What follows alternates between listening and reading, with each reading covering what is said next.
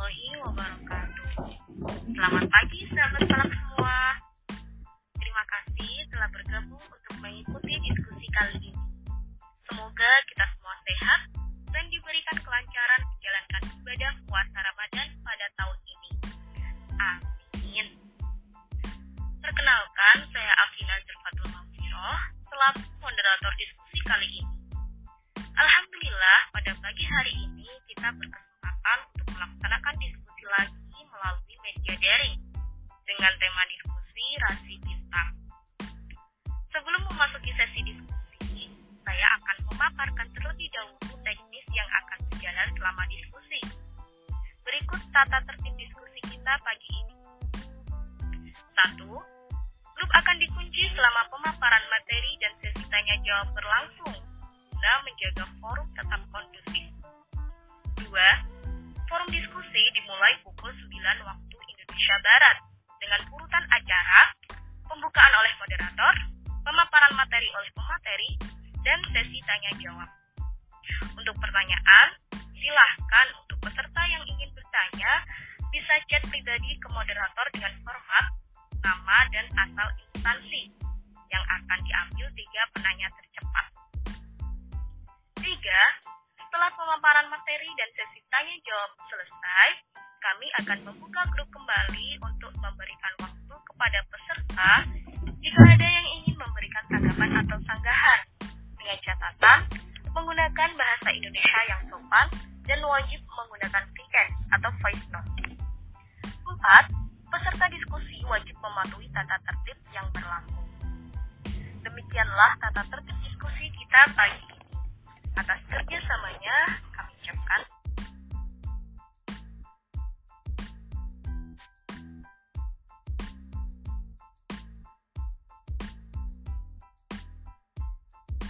Nah, diskusi kita kali ini akan disampaikan oleh dosen Fakultas Syariah dan Hukum UIN Wali Songo Semarang. Beliau Bapak Muhammad Zainal Mawahid. Adapun CV pemateri sebagai berikut. Nama Muhammad Zainal Mawahib, SHIMH, tempat tanggal lahir, Demak, 10 Oktober 1990,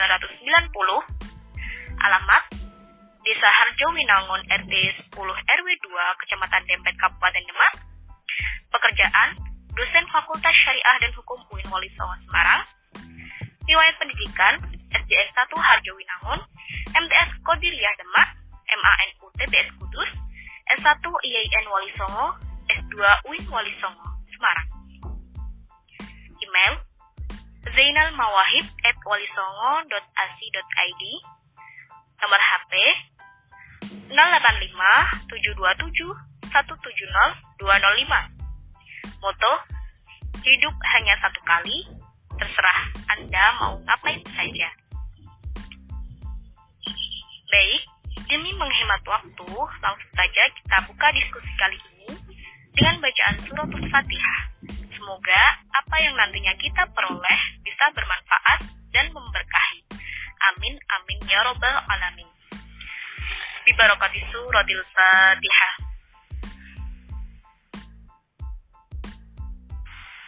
Selanjutnya memasuki sesi diskusi.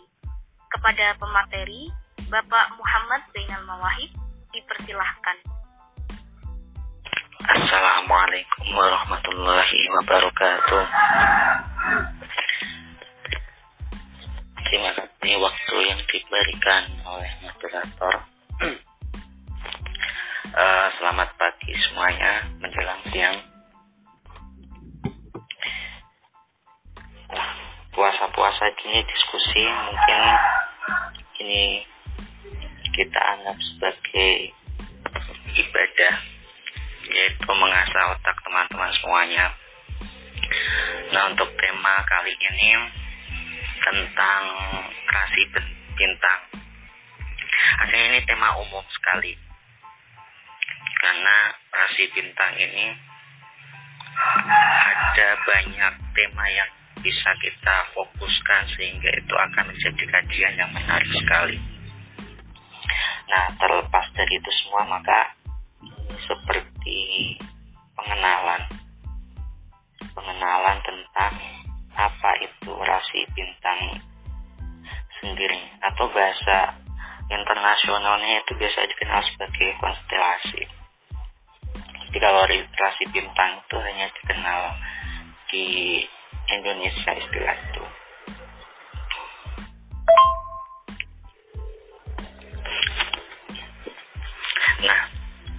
Kita mulai apa itu sebenarnya rasi bintang.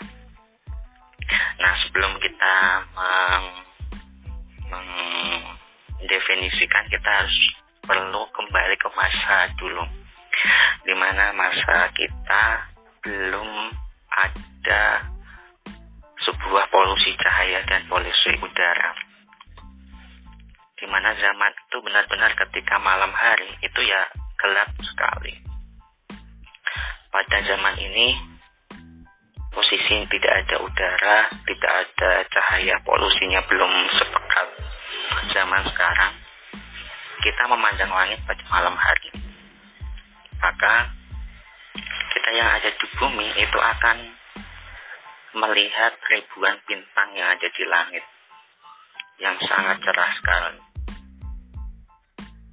Itu zaman dulu. Kalau kita sekarang membayangkan kita berada di pedesaan atau di pegunungan yang masih minim sekali polusi cahaya sama udaranya, maka itu akan menampakkan sebuah cahaya bintang yang ada di langit berada posisinya sendiri-sendiri. Jadi kita di bumi melihat bintang di langit di posisinya bintang itu sendiri-sendiri. Posisi bintang yang nampak dari bumi ini kemudian manusia menangkapnya, kemudian berimajinasi, sehingga berimajinasi membentuk sebuah konfigurasi atau tampilan khusus tentang penampakan-penampakan bintang. Nah, ini yang kemudian dikenal sebagai istilah rasi bintang atau atau konstelasi.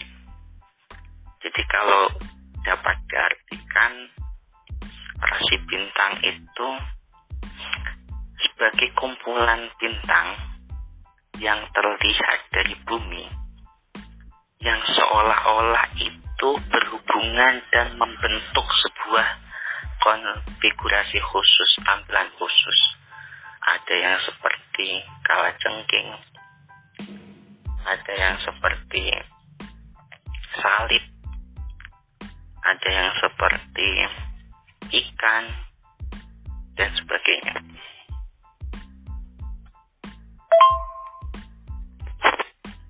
Padahal sebenarnya bintang-bintang yang teramati itu tidak memiliki hubungan khusus satu yang lain dalam artian bintang itu berada di posisinya masing-masing. Tetapi karena kita sebagai manusia sah-sah saja menangkap fenomena itu. Kemudian bintang itu dikelompokkan sehingga membentuk sebuah kasih bintang. Tentu dalam ruang lingkup apa yang terlihat pada saat malam hari itu sendiri. Nah,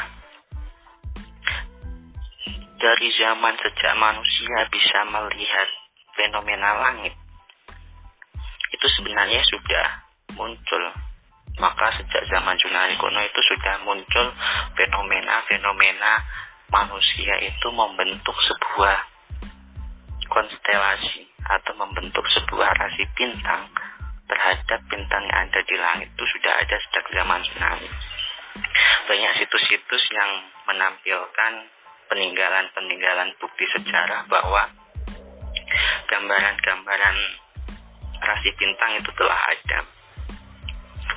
Bahkan karena posisi mat apa posisi bintang yang ada di langit, kemudian manusia itu sebagai orang yang menafsirkan, orang yang berimajinasi terhadap bintang-bintang yang di langit, maka antara manusia satu dengan manusia lain, bahkan antara peradaban satu dengan peradaban lain itu memiliki rasi bintang yang sendiri-sendiri.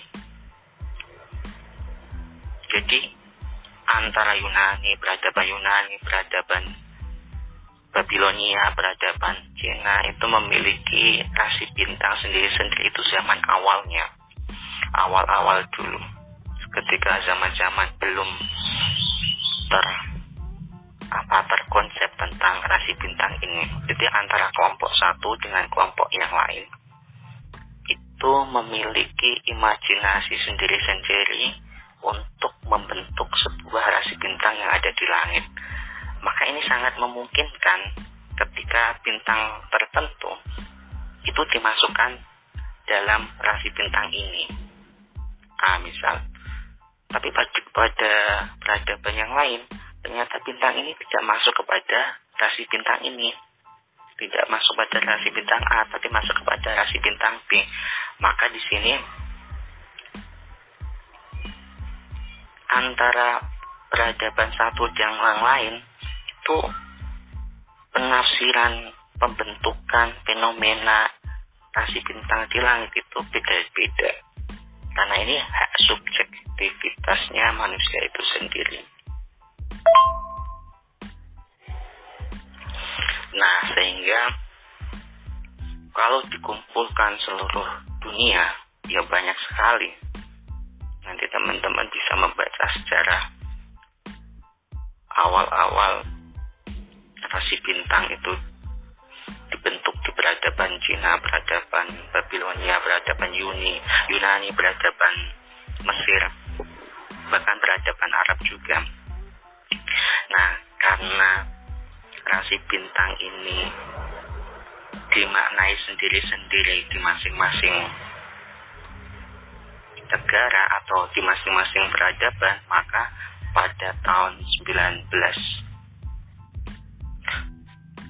1922 oleh International Astronomical Union atau IAU sebuah komunitas ilmuwan astronomi dunia itu membuat sebuah konferensi, membuat sebuah kesepakatan bahwa ini harus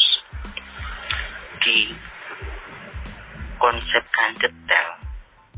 Rasi bintang ini masuk ke dalam imajinasi tertentu dalam artian bintang ini ya rasi bintangnya ini jangan sampai ada satu bintang kemudian ya masuk di rasi bintang A juga masuk di rasi bintang B maka pada tahun 1922 ini dibuatlah sebuah kesepakatan dunia menyepakati rasi bintang yang terakui dan terkonsep terstruktur dan tergambar utuh dalam sebuah bola langit yang nampak dari sehingga IAU International itu atau International Astronomical Union ini menyatakan ada 88 rasi bintang yang ada di langit. Jadi ini jumlah 88 ini merupakan kesepakatan ada apa akan rasi bintang yang tersebar di langit. Itu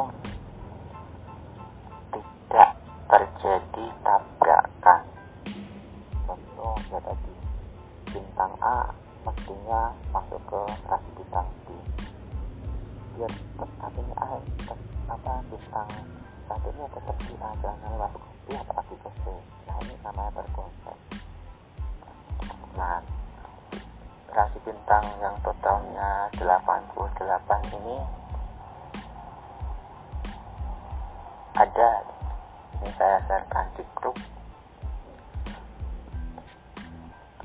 podcast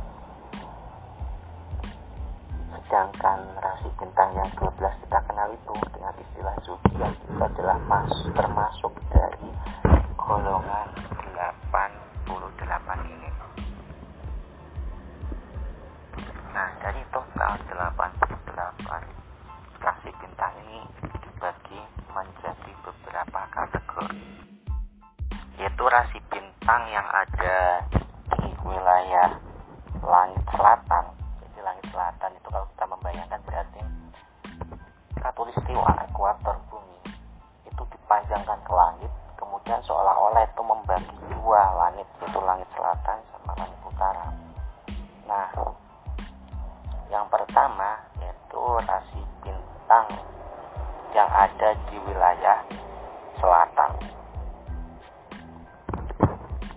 Ada berapa yaitu ada 33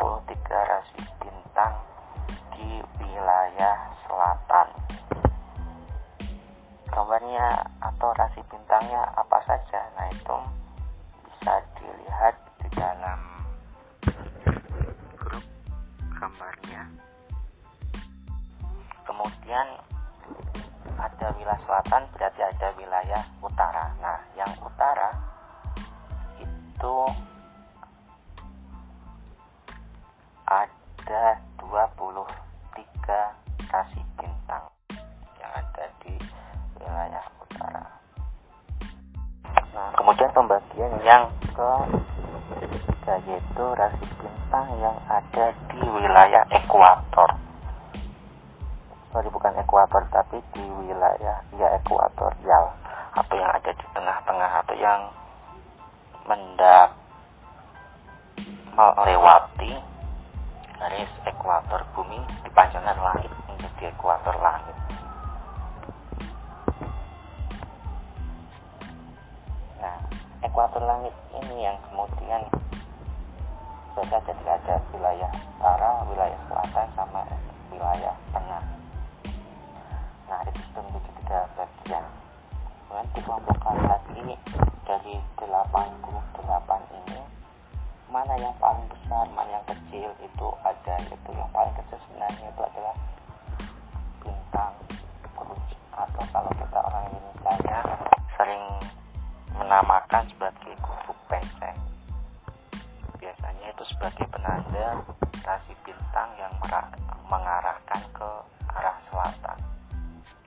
kalau orang-orang barat menyebutkan sebagai bintang salib itu ada rasi bintang yang paling kecil. Sedangkan rasi bintang yang paling besar itu adalah Gibran. Itu yang paling besar. Nah kemudian zodiak itu di mana? Yaitu zodiak itu diartikan sebagai rasi bintang yang melewati ekliptika lingkaran ekliptika jadi tidak semuanya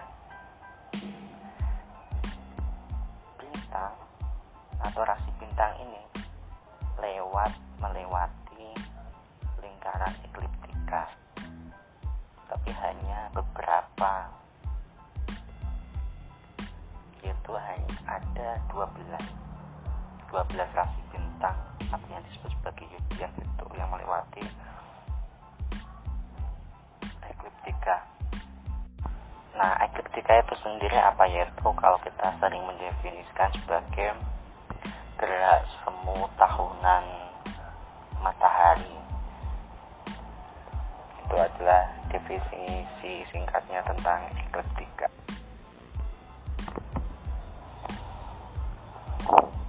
jadi itu tadi bahwa rasi bintang dikelompokkan. Ada yang wilayah selatan ada wilayah utara ada wilayah tengah.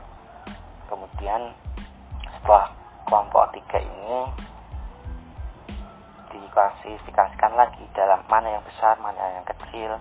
Itu sudah ada saya share kemudian dari 88 ini ada rasi bintang yang terdapat di dalam lingkaran ekliptika di mana itu ada 12 rasi bintang yang sering kita sebut sebagai zodiak itu sendiri yaitu mulai Aries, Taurus, Gemini, Cancer, Leo sampai kepada Pisces itu. Itu ada 12 bahkan pernah ada isu pada tahun 2011an ternyata ada satu rasi bintang yang ada di dalam ekliptika atau di dalam zodiak itu. Rasi bintangnya itu apa? Nah itu yang sering disebut sebagai rasi bintang Ophiuchus yaitu rasi bintang zodiak di antara Scorpio sama Sagittarius. Berarti ada berapa rasi zodiak sebenarnya? Secara hakikat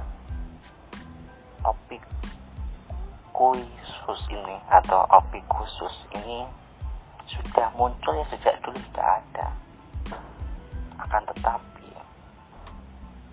adanya zodiak yang 12 itu tidak lepas dari pemahaman pada zaman dahulu yaitu zamannya Epicurus atau filosof Yunani kuno yang memahami secara sederhana bahwa zodiak itu ya ada 12 di mana masing-masing dari zodiak ini umurnya atau dilewati mataharinya itu setiap 30 derajat itu pemahaman dahulu. Namun kalau pemahaman sekarang bahwa sejatinya ya zodiak itu atau munculnya penampakan rasi bintang yang berada di wilayah disebut sebagai zodiak ini bisa kadang 8 hari 25 hari jadi berbeda-beda tidak selamanya itu umurnya 30 derajat atau 30 hari. Itu sebenarnya. Tapi kan ini lagi-lagi ini adalah pendekatan astronomi. Jadi astronomi itu berdasarkan fakta yang ditangkap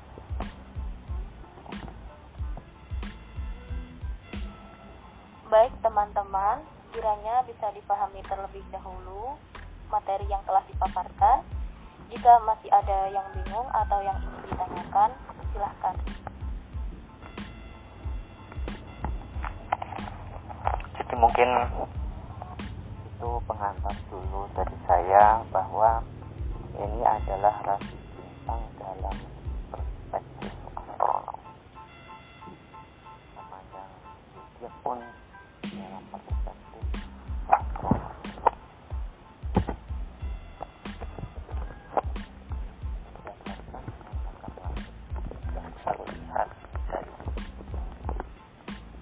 pengenalan tentang apa namanya rasi bintang. Kalau rasi bintang ya awalnya itu tidak terkontrol. Masing-masing peradaban itu membuat rasi bintang sendiri-sendiri sehingga ini akan membingungkan di dalam melakukan pengkajian terhadap langit ini masuknya rasi bintang apa rasi bintang apa rasi bintang apa maka akhirnya dibuatlah kesepakatan pada tahun 1922 terbentuk rasi bintang yang terkonsep yang berdefinisikan yang diberi nama menjadi 88 rasi bintang. 88 rasi bintang ini dikelompokkan menjadi beberapa bagian. Salah satu bagiannya ada disebut sebagai zodiak itu sendiri. Jadi zodiak yang kita kenal 12 itu itu sebenarnya bagian dari rasi bintang yang ada di langit. Mungkin itu pengantar dari saya untuk selanjutnya. Saya kembalikan kepada moderator Wah, gercep sekali ya. Dan ini sudah ada beberapa pertanyaan yang masuk. Pertama yaitu dari Muhammad Awaludin, Uin Mataram Lombok. Assalamualaikum warahmatullahi wabarakatuh. Salam hormat untuk Mas Wahid guru saya. Saya ingin menanyakan Mas, apakah rasi bintang ini bergeser dari posisi awalnya, zaman dulu hingga zaman sekarang? Jika iya, mengapa dan berapa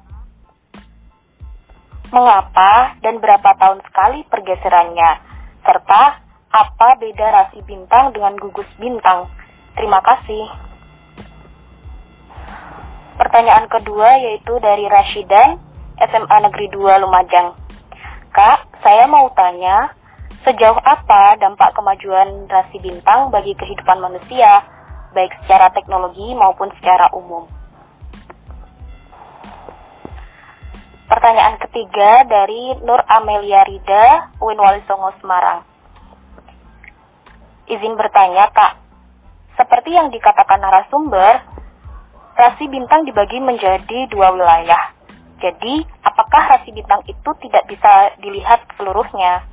Maksudnya, apa bisa orang-orang yang berada di wilayah selatan melihat rasi bintang utara apabila bumi berputar? atau rasi bintang di wilayah pembagiannya saja yang bisa dilihat terus. Terima kasih. Terima kasih atas yang merespon.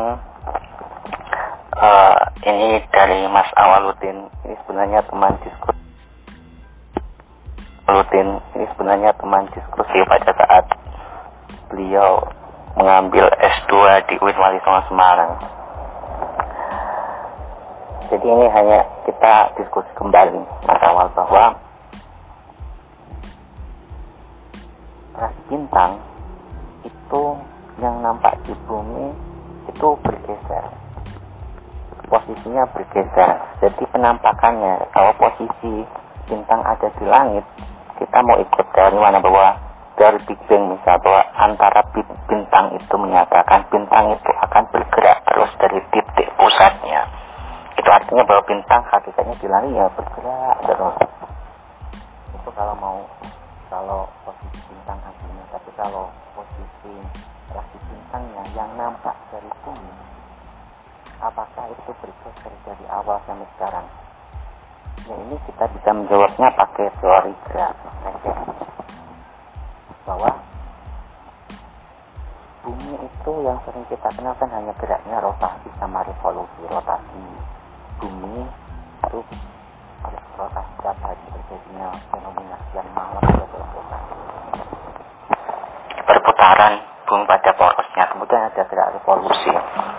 Gerak bumi mengelilingi matahari yang akibatnya setiap tahun itu berubah-ubah musim ada musim dingin ada musim panas ada musim hujan ada musim panas itu itu adalah akibat dari gerak revolusi. Nah, ada gerak lain yang dimiliki oleh bumi, yaitu adalah gerak resesi atau sering disebut sebagai gerak poros putar bumi.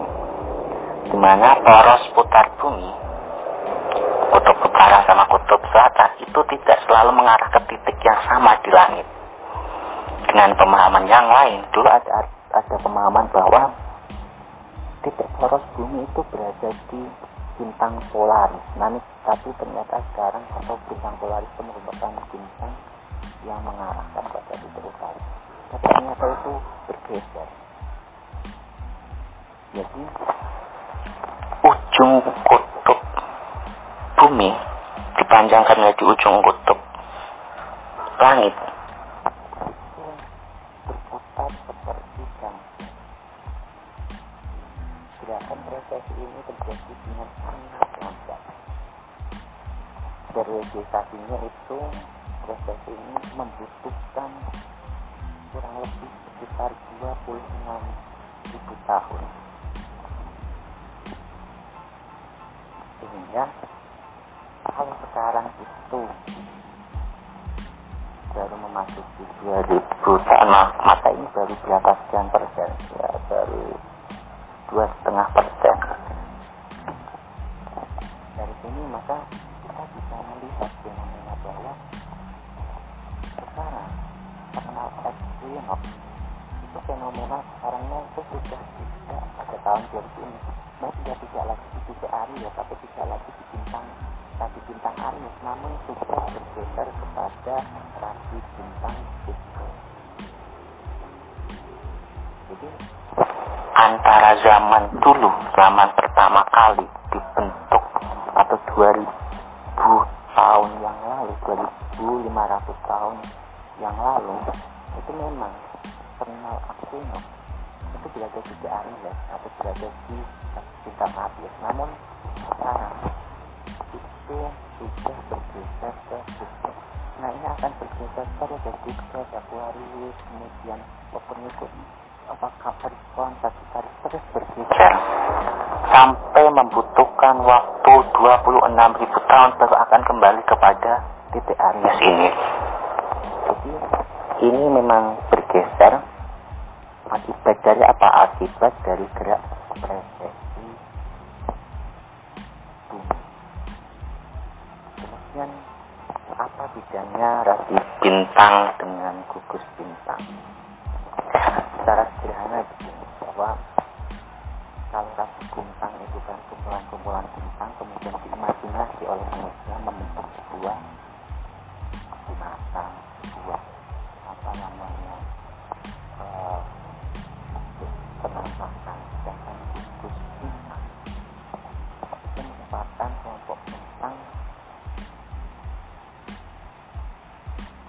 yang secara gravitasi yang awal pembentukannya itu terikat satu yang sama yang lain. Jadi gugus bintang ini kumpulan dari beberapa bintang.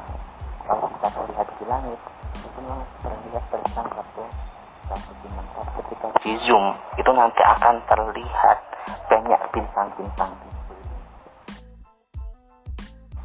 Kalau rasi bintang itu bintang 1, 2, 3, 4 dijadikan satu membentuk sebuah konstelasi rasi bintang. Sedangkan gugus bintang penampakan satu bintang satu bintang itu ketika di zoom itu akan nampak banyak bintang-bintang di sekelilingnya. Nah itu adalah gugus bintang. Nah gugus bintang ini kan ada dikelompokkan menjadi dua gugus bintang bola yaitu kelompok ratusan atau ribuan bintang yang itu berdekatan. Jadi kayak mengelompok seperti bola. Ini seperti contoh gugus bintang Messier 13 kemudian ada gugus bintang terbuka yaitu gugus bintang yang uh, kayak bersandingan tapi jaraknya itu agak berjauhan. Kalau gugus bintang bola kan dekat sekali di situ banyak ribuan bintang. Kalau nampak dari bumi ya kayak kelihatan satu tapi ketika di zoom itu akan nampak banyak bintang-bintang di sekelilingnya. Itu gugus. Jadi sangat memungkinkan satu bintang yang nampak di langit itu akan terlihat seperti kumpulan bintang-bintang ketika di zoom. Nah itu adalah gugus bintang. Kalau rasi bintang itu kumpulan dari bintang-bintang diimajinasi sehingga membentuk sebuah uh, penampilan khusus itu yang mungkin mas awal nanti mungkin bisa menambahkan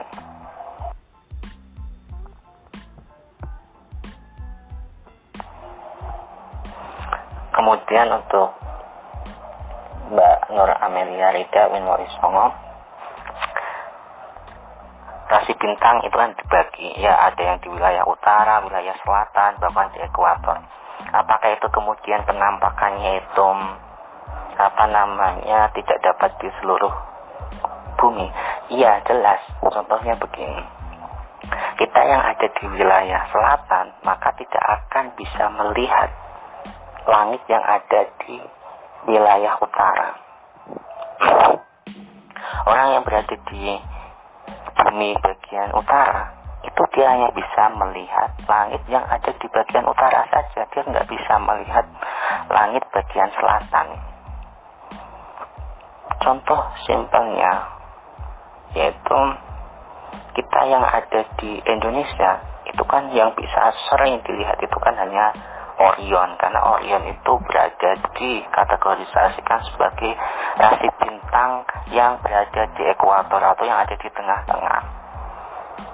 kemudian kita yang ada di agak selatan min 7 derajat maka yang kelihatan rasi bintang sering kita nampak adalah gubuk penceng itu. Karena itu termasuk uh, rasi bintang yang ada di wilayah selatan. Sedangkan bintang-bintang yang ada di utara seperti rasi bintang Ursa Mayor yang di situ ada bintang Polaris kita nggak bisa melihat karena ya lagi-lagi kita yang ada di bumi itu nanti akan melihat dataran itu antara langit yang terlihat sama tidak itu akan ada garis yang kita sebut sebagai garis horizon. Nah, horizon yang dimiliki oleh masing-masing manusia yang ada di bumi itu beda-beda. Kita yang ada di kutub utara, kutub selatan, kemudian ada yang di ekuator itu berbeda-beda. Maka kita yang di Indonesia itu ya terbatas rasi bintang yang kita bisa lihat. Kemudian rasi bintang pun penampakannya itu tidak setiap apa nama setiap malam kita bisa melihat. Namun misal ada rasi bintang itu tadi gubuk penceng misal itu ya kita hanya bisa melihat di bulan April, Mei, Juni, Juli dan paling bagusnya itu pada saat pertengahan yaitu Mei Juni. Selain bulan itu nggak kelihatan karena rasi bintang ini posisinya akan terlihatnya itu bukan saat malam hari tapi pada saat siang hari. Jadi ada beberapa kategorisasi betul ada wilayah tertentu yang tidak bisa melihat rasi bintang tertentu. Dan rasi bintang ini pun penampakannya itu tidak setiap bulan, tapi pada bulan-bulan tertentu, tergantung pada posisinya. Nah, peta rasi bintang yang saya share itu yang ada garis kuningnya, garis ekliptikanya, itu adalah peta untuk mempermudah kapan kira-kira kasih bintang itu akan nampak.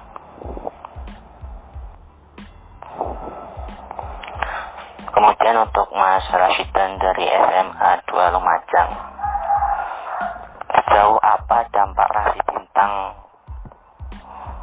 terhadap kemajuan kehidupan manusia? Nah ini sebenarnya menariknya di dalam kajian astronomi bahwa penampakan rasi bintang setiap tahun kalau diamati itu nanti tampilannya itu bisa sangat apa namanya sangat berubah. Sehingga bisa menjadi kajian apakah betul rasi yang bintang yang dulu dianggap sebagai penunjuk arah kalau di wilayah utara itu adalah bintang Polaris rasi bintang namanya Ursa Mayor dan kemudian yang ada di wilayah selatan itu adalah rasi bintang Kruj atau Gubuk Penceng itu akan selalu mengarah ke utara yang satu mengarah, selatan. Nah kajian menariknya bahwa ternyata ada perubahan. Komposisi tampilan posisi bintangnya itu ternyata ada sedikit pergeseran.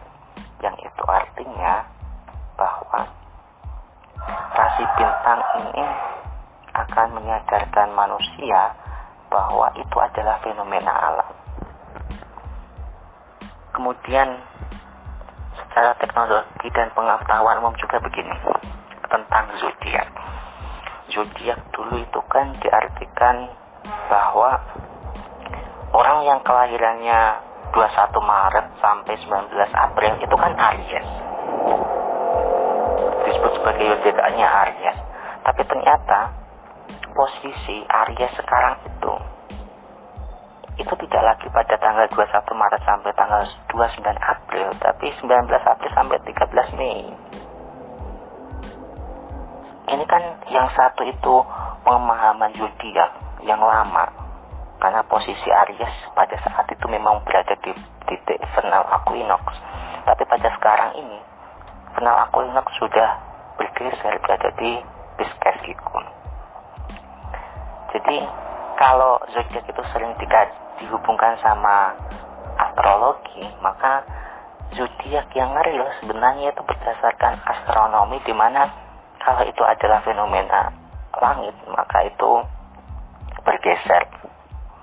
Itu sebenarnya Aries sekarang bergeser. Kemudian Taurus orang yang kelahirannya 20 April sampai 20 Mei itu sering disebut sebagai zodiaknya Taurus tapi kenyataannya rasi bintang Taurus fenomena itu pada saat 14 Mei sampai 19 Mei. Ini kan berubah. Nah perubahan posisi rasi bintang ini apa namanya menjadikan kita sadar bahwa itu adalah fenomena langit. Zodiak itu adalah fenomena langit. Yang dulu itu biasanya zodiak itu diartikan setiap 30 hari itu adalah berganti zodiaknya. Sekarang tidak Aries itu tidak selamanya umurnya 30 hari tapi 25 hari. Taurus misal umurnya tidak lagi 30 hari tapi 38 yang lebih jelas apa lebih membuat kita terkejut. Posisi matahari kapan berada di Scorpio yang dulu awalnya 30 ternyata hanya 8 hari lebih lama dari posisi rasi bintang Opicus yang tidak ada di dalam zodiak astrologi tapi di dalam rasi bintang. Itu justru lebih lama 18 hari lebih lama daripada Scorpio jadi ingin ini ingin menyatakan bahwa kita di sini rasi bintang zodiak itu adalah murni fenomena langit. Sedangkan posisi astrologi ini berbeda sendiri. Kalau emang astrologi itu mau mengacu kepada rasi bintang kenyataan maka ya ada perubahan apa namanya perubahan tanggalnya dan termasuk juga lamanya. Ini harus ada perubahan. Mungkin itu. Mungkin itu dulu jawaban. Demikianlah tadi sesi tanya jawab yang sudah berlangsung. E, kami mohon maaf apabila hanya beberapa pertanyaan saja yang kami utarakan di grup. Nah, untuk selanjutnya kami akan membuka grup dari teman-teman jika ada yang ingin memberikan tanggapannya terkait diskusi kali ini kami silahkan. Jadi yang tadi masih ada pertanyaan yang mengganjal silahkan bisa disampaikan. Jangan lupa sebutkan nama dan asal instansi. Terima kasih. Assalamualaikum warahmatullahi wabarakatuh. Perkenalkan nama saya Andi Tiadi. Saya mahasiswa dari Universitas Negeri Makassar. Nah, sebelumnya terima kasih kepada pemateri Muhammad Zainal Mawahid uh, atas materinya tentang rasi bintang. Uh, pertanyaan saya itu pertama itu bisa dijelaskan sejarah rasi bintang di Indonesia dan pertanyaan kedua yaitu uh, dalam dunia maritim, mereka sebelum mengenal kompas, mereka menentukan arah dari bintang. Bisa dijelaskan rasi bintang apa saja yang mereka gunakan? Terima kasih. Di sini saya akan menambahkan sedikit uh,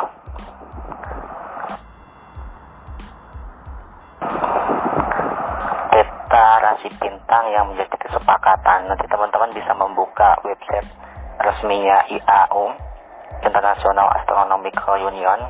Di situ peta rasi bintang sudah full bisa kita download gambar-gambarnya tapi memang itu hanya menampilkan rasi bintang tertentu. Jadi tidak utuh.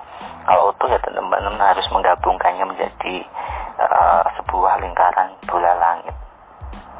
Itu mungkin bisa menjadi tambahan tambahan untuk memahami apa namanya peta rasi bintang yang disepakati oleh astronom dunia. Assalamualaikum warahmatullahi wabarakatuh. Perkenalkan nama saya Sofan Muda, saya dari UIN Wali Songo Semarang. Ingin bertanya kepada materi Pak Mawahib. Saya ingin bertanya bagaimana rasi bintang itu dijadikan menjadi zodiak tanggal lahir itu bagaimana kok bisa sampai bisa dijadikan zodiak. Kemudian kenapa jarak antara rasi bintang satu dengan lainnya itu berbeda-beda? Itu sekian terima kasih. Assalamualaikum warahmatullahi wabarakatuh.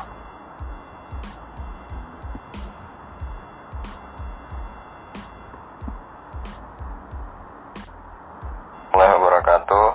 Uh, Mas Wahib uh, Alustad mau tanya lagi. Uh, sekarang ini kan beredar juga alat-alat uh, bantu kita untuk melihat uh, bintang di langit yang kita sebut sama peta bintang yang bentuknya uh, seperti lingkaran yang kemudian ada sisi selatan dan sisi utaranya. Nah, itu apakah uh, sudah terupdate uh, posisinya seperti yang tadi sudah dijelaskan bahwa uh, Aries tidak lagi menjadi patokan tapi sudah bergeser.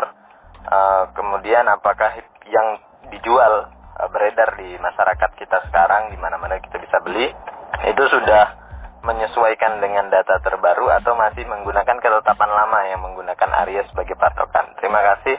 Assalamualaikum warahmatullahi wabarakatuh.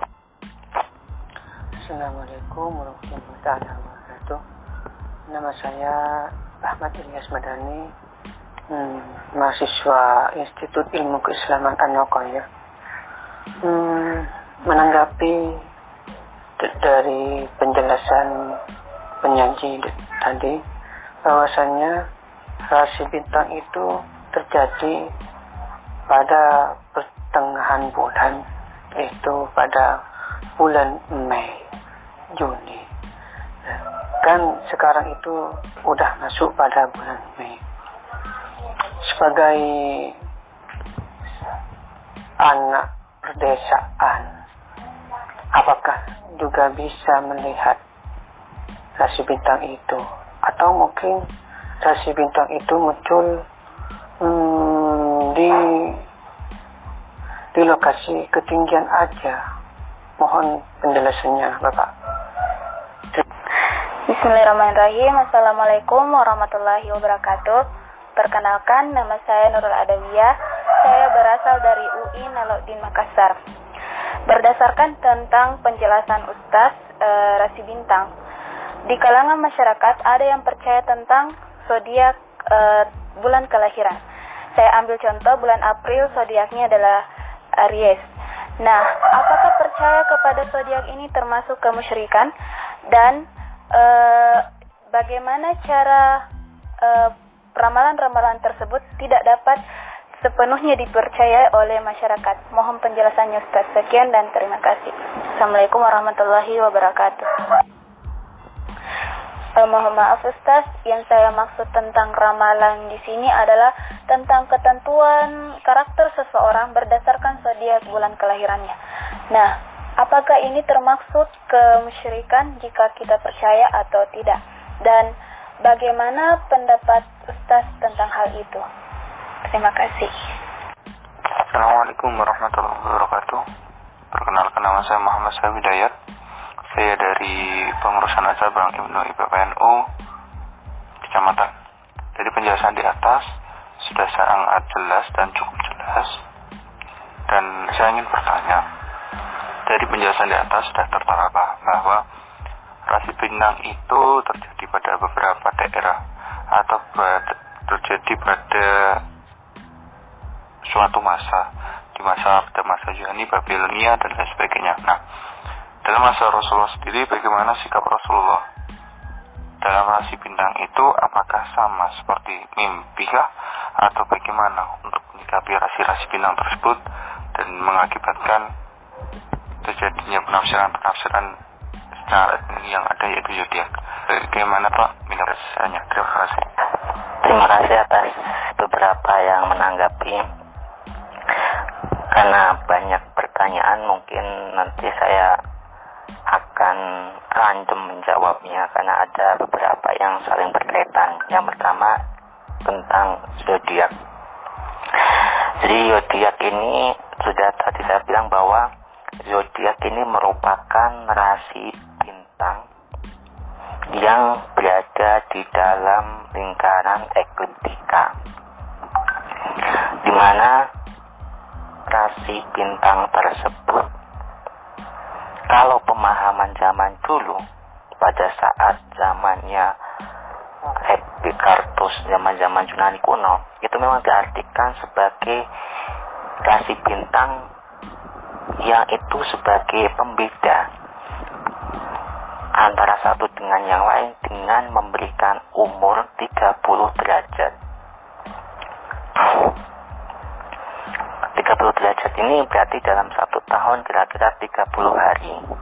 Akan tetapi pada sekarang ini atau pemahaman modern rasi bintang modern zodiak ini adalah sebuah rasi bintang yang sudah memiliki peta.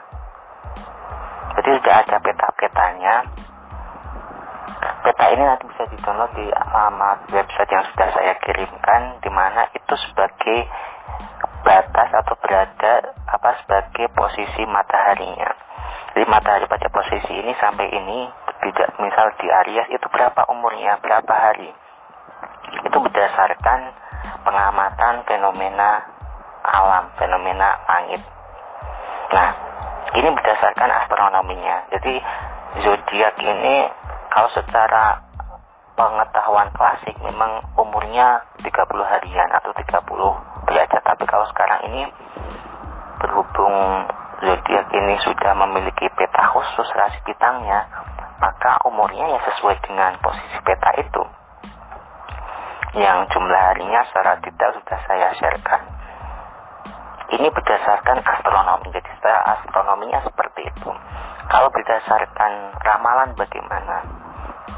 Nah, ramalan bintang ini apa atau disebut sebagai astrologi ini setiap peradaban itu ada istilah-istilah peramal dan peramal. Di Yunani, di Mesir, di Arab Saudi, bahkan di Indonesia pun ada ramalan. Kalau di Indonesia, di Jawa misal ada ramalan moton dan sebagainya. Itu artinya bahwa ramalan pun zaman Nabi pun sangat ditentang oleh Nabi karena itu adalah mendahului sebuah takdir.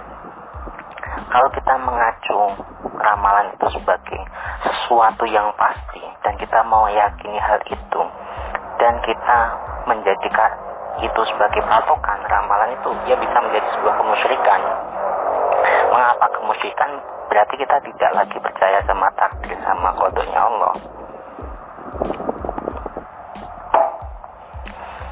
Nah makanya ramalan pun zaman Nabi pun sangat ditentang. Itu jadi ramalan astrologi pun itu sudah apa namanya tanggal-tanggalnya pun berbeda secara astronomi. Ya ramalan misal teman-teman mempercayai sebuah ramalan dua orang yang lahir tahun ini maka dia akan seperti ini. Itu artinya kan sudah menjadikan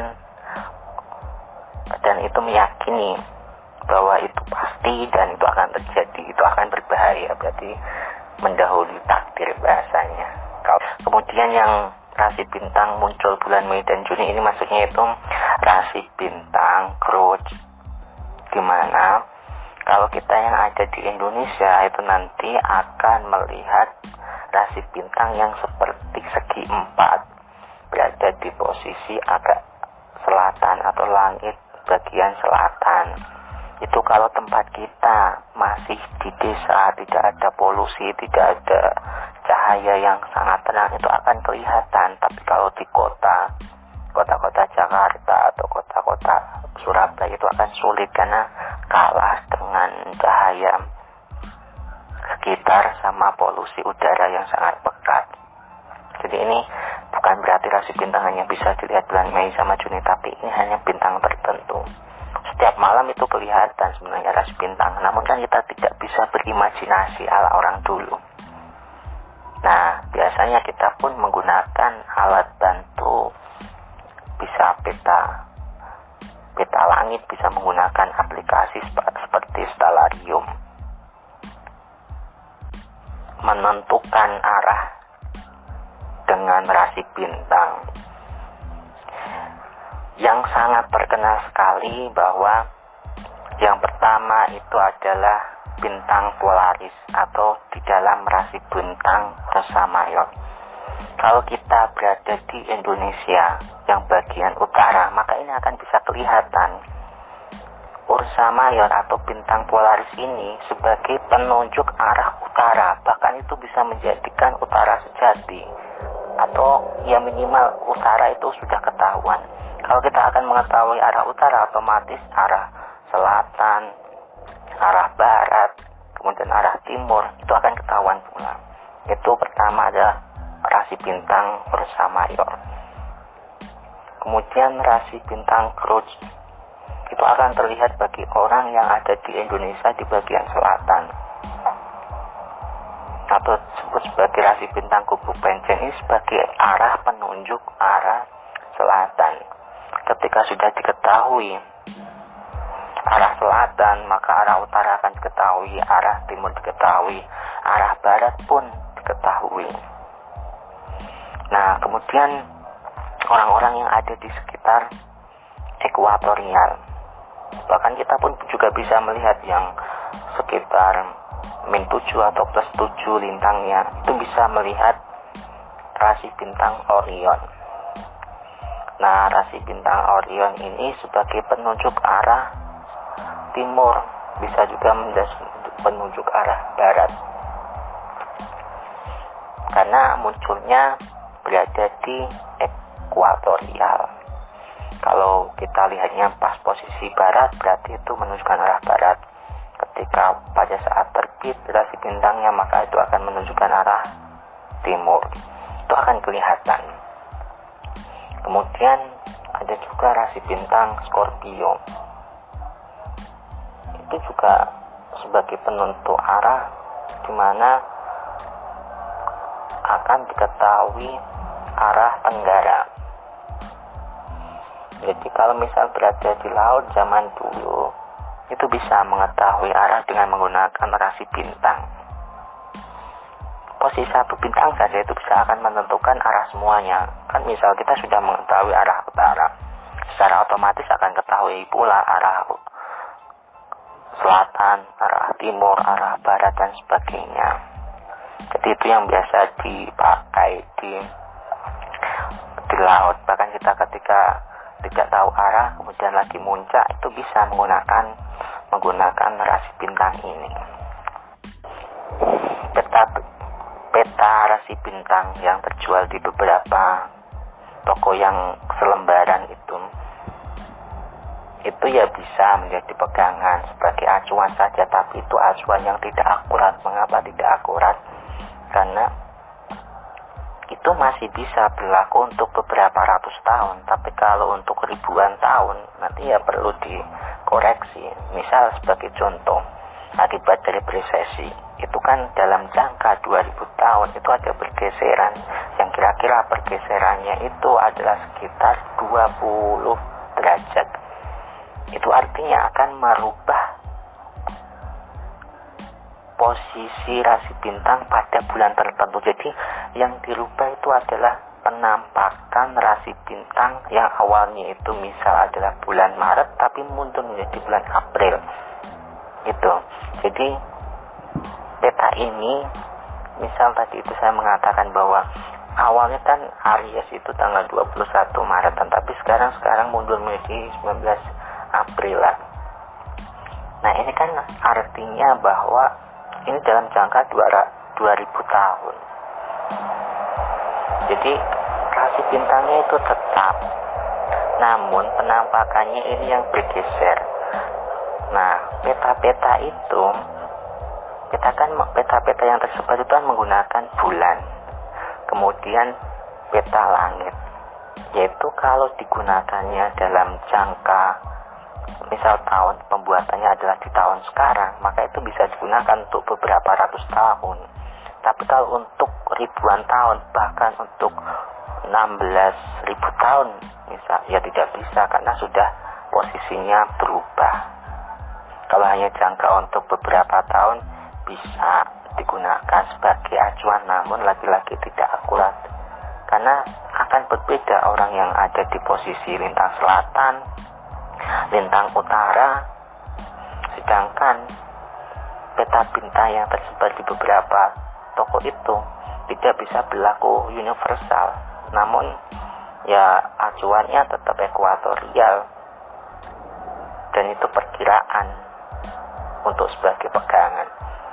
Dan bahkan pada posisi malam pun malam pun itu pada jam berapa dan jam, jam berapa itu harus diputar juga. Dan biasanya pun ada yang membuat peta rasi bintang langit itu berdasarkan lintangnya juga bisa. Ada yang secara universal di dalam ditaruh pada ekuator atau lintang nol. Mungkin itu jawaban dari saya. Karena saking banyaknya atau saya jawabnya secara random. Untuk selanjutnya saya persilahkan kepada moderator untuk memimpin diskusi selanjutnya. Alhamdulillah diskusi online pada pagi ini telah berjalan tanpa ada halangan suatu apa pun dan di sini saya akan menarik beberapa kesimpulan. Rasi bintang dalam bahasa internasional dikenal dengan nama konstelasi. Rasi bintang yaitu sebagai kumpulan bintang yang terlihat dari bumi yang seolah-olah berhubungan dan membentuk tampilan khusus seperti kalajengking, ikan, salib, dan lain-lain. Pada tahun 1922, oleh IAU, yaitu Komunitas Ilmu Astronomi Dunia, membuat sebuah kesepakatan bahwa rasi bintang harus dikonsepkan secara detail, menyepakati rasi bintang yang terakui, terkonsep, terstruktur, dan tergambar dari sebuah bola langit yang nampak dari bumi. IAU ini menyepakati 88 rasi bintang pada bola langit. 88 rasi bintang ini kemudian dibagi menjadi beberapa kategori. Yang pertama, wilayah langit selatan, kedua wilayah langit utara, ketiga wilayah langit tengah-tengah atau ekuator langit. Posisi rasi bintang yang nampak dari bumi pun tentunya juga bergeser. Hal ini disebabkan karena gerak bumi, yaitu rotasi, revolusi, dan presesi. Kemudian, penampakan rasi bintang tiap tahun jika diamati tampilannya bisa sangat berubah. Dan ini menjadikan kita sadar bahwa zodiak adalah fenomena langit. Kemudian menentukan arah dengan rasi bintang. Yang terkenal yaitu ada Polaris, yaitu penunjuk utara, ada Crux, penunjuk selatan,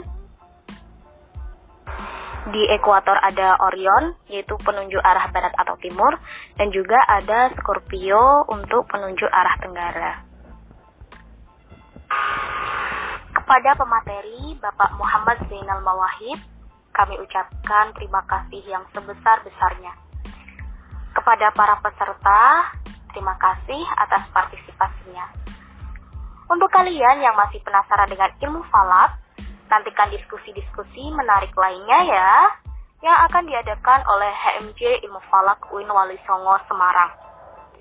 Saya selaku moderator, mohon maaf atas kesalahan dalam bertutur kata dan pamit undur diri. Sampai jumpa di lain waktu sahabat falak semua. Wassalamualaikum warahmatullahi wabarakatuh.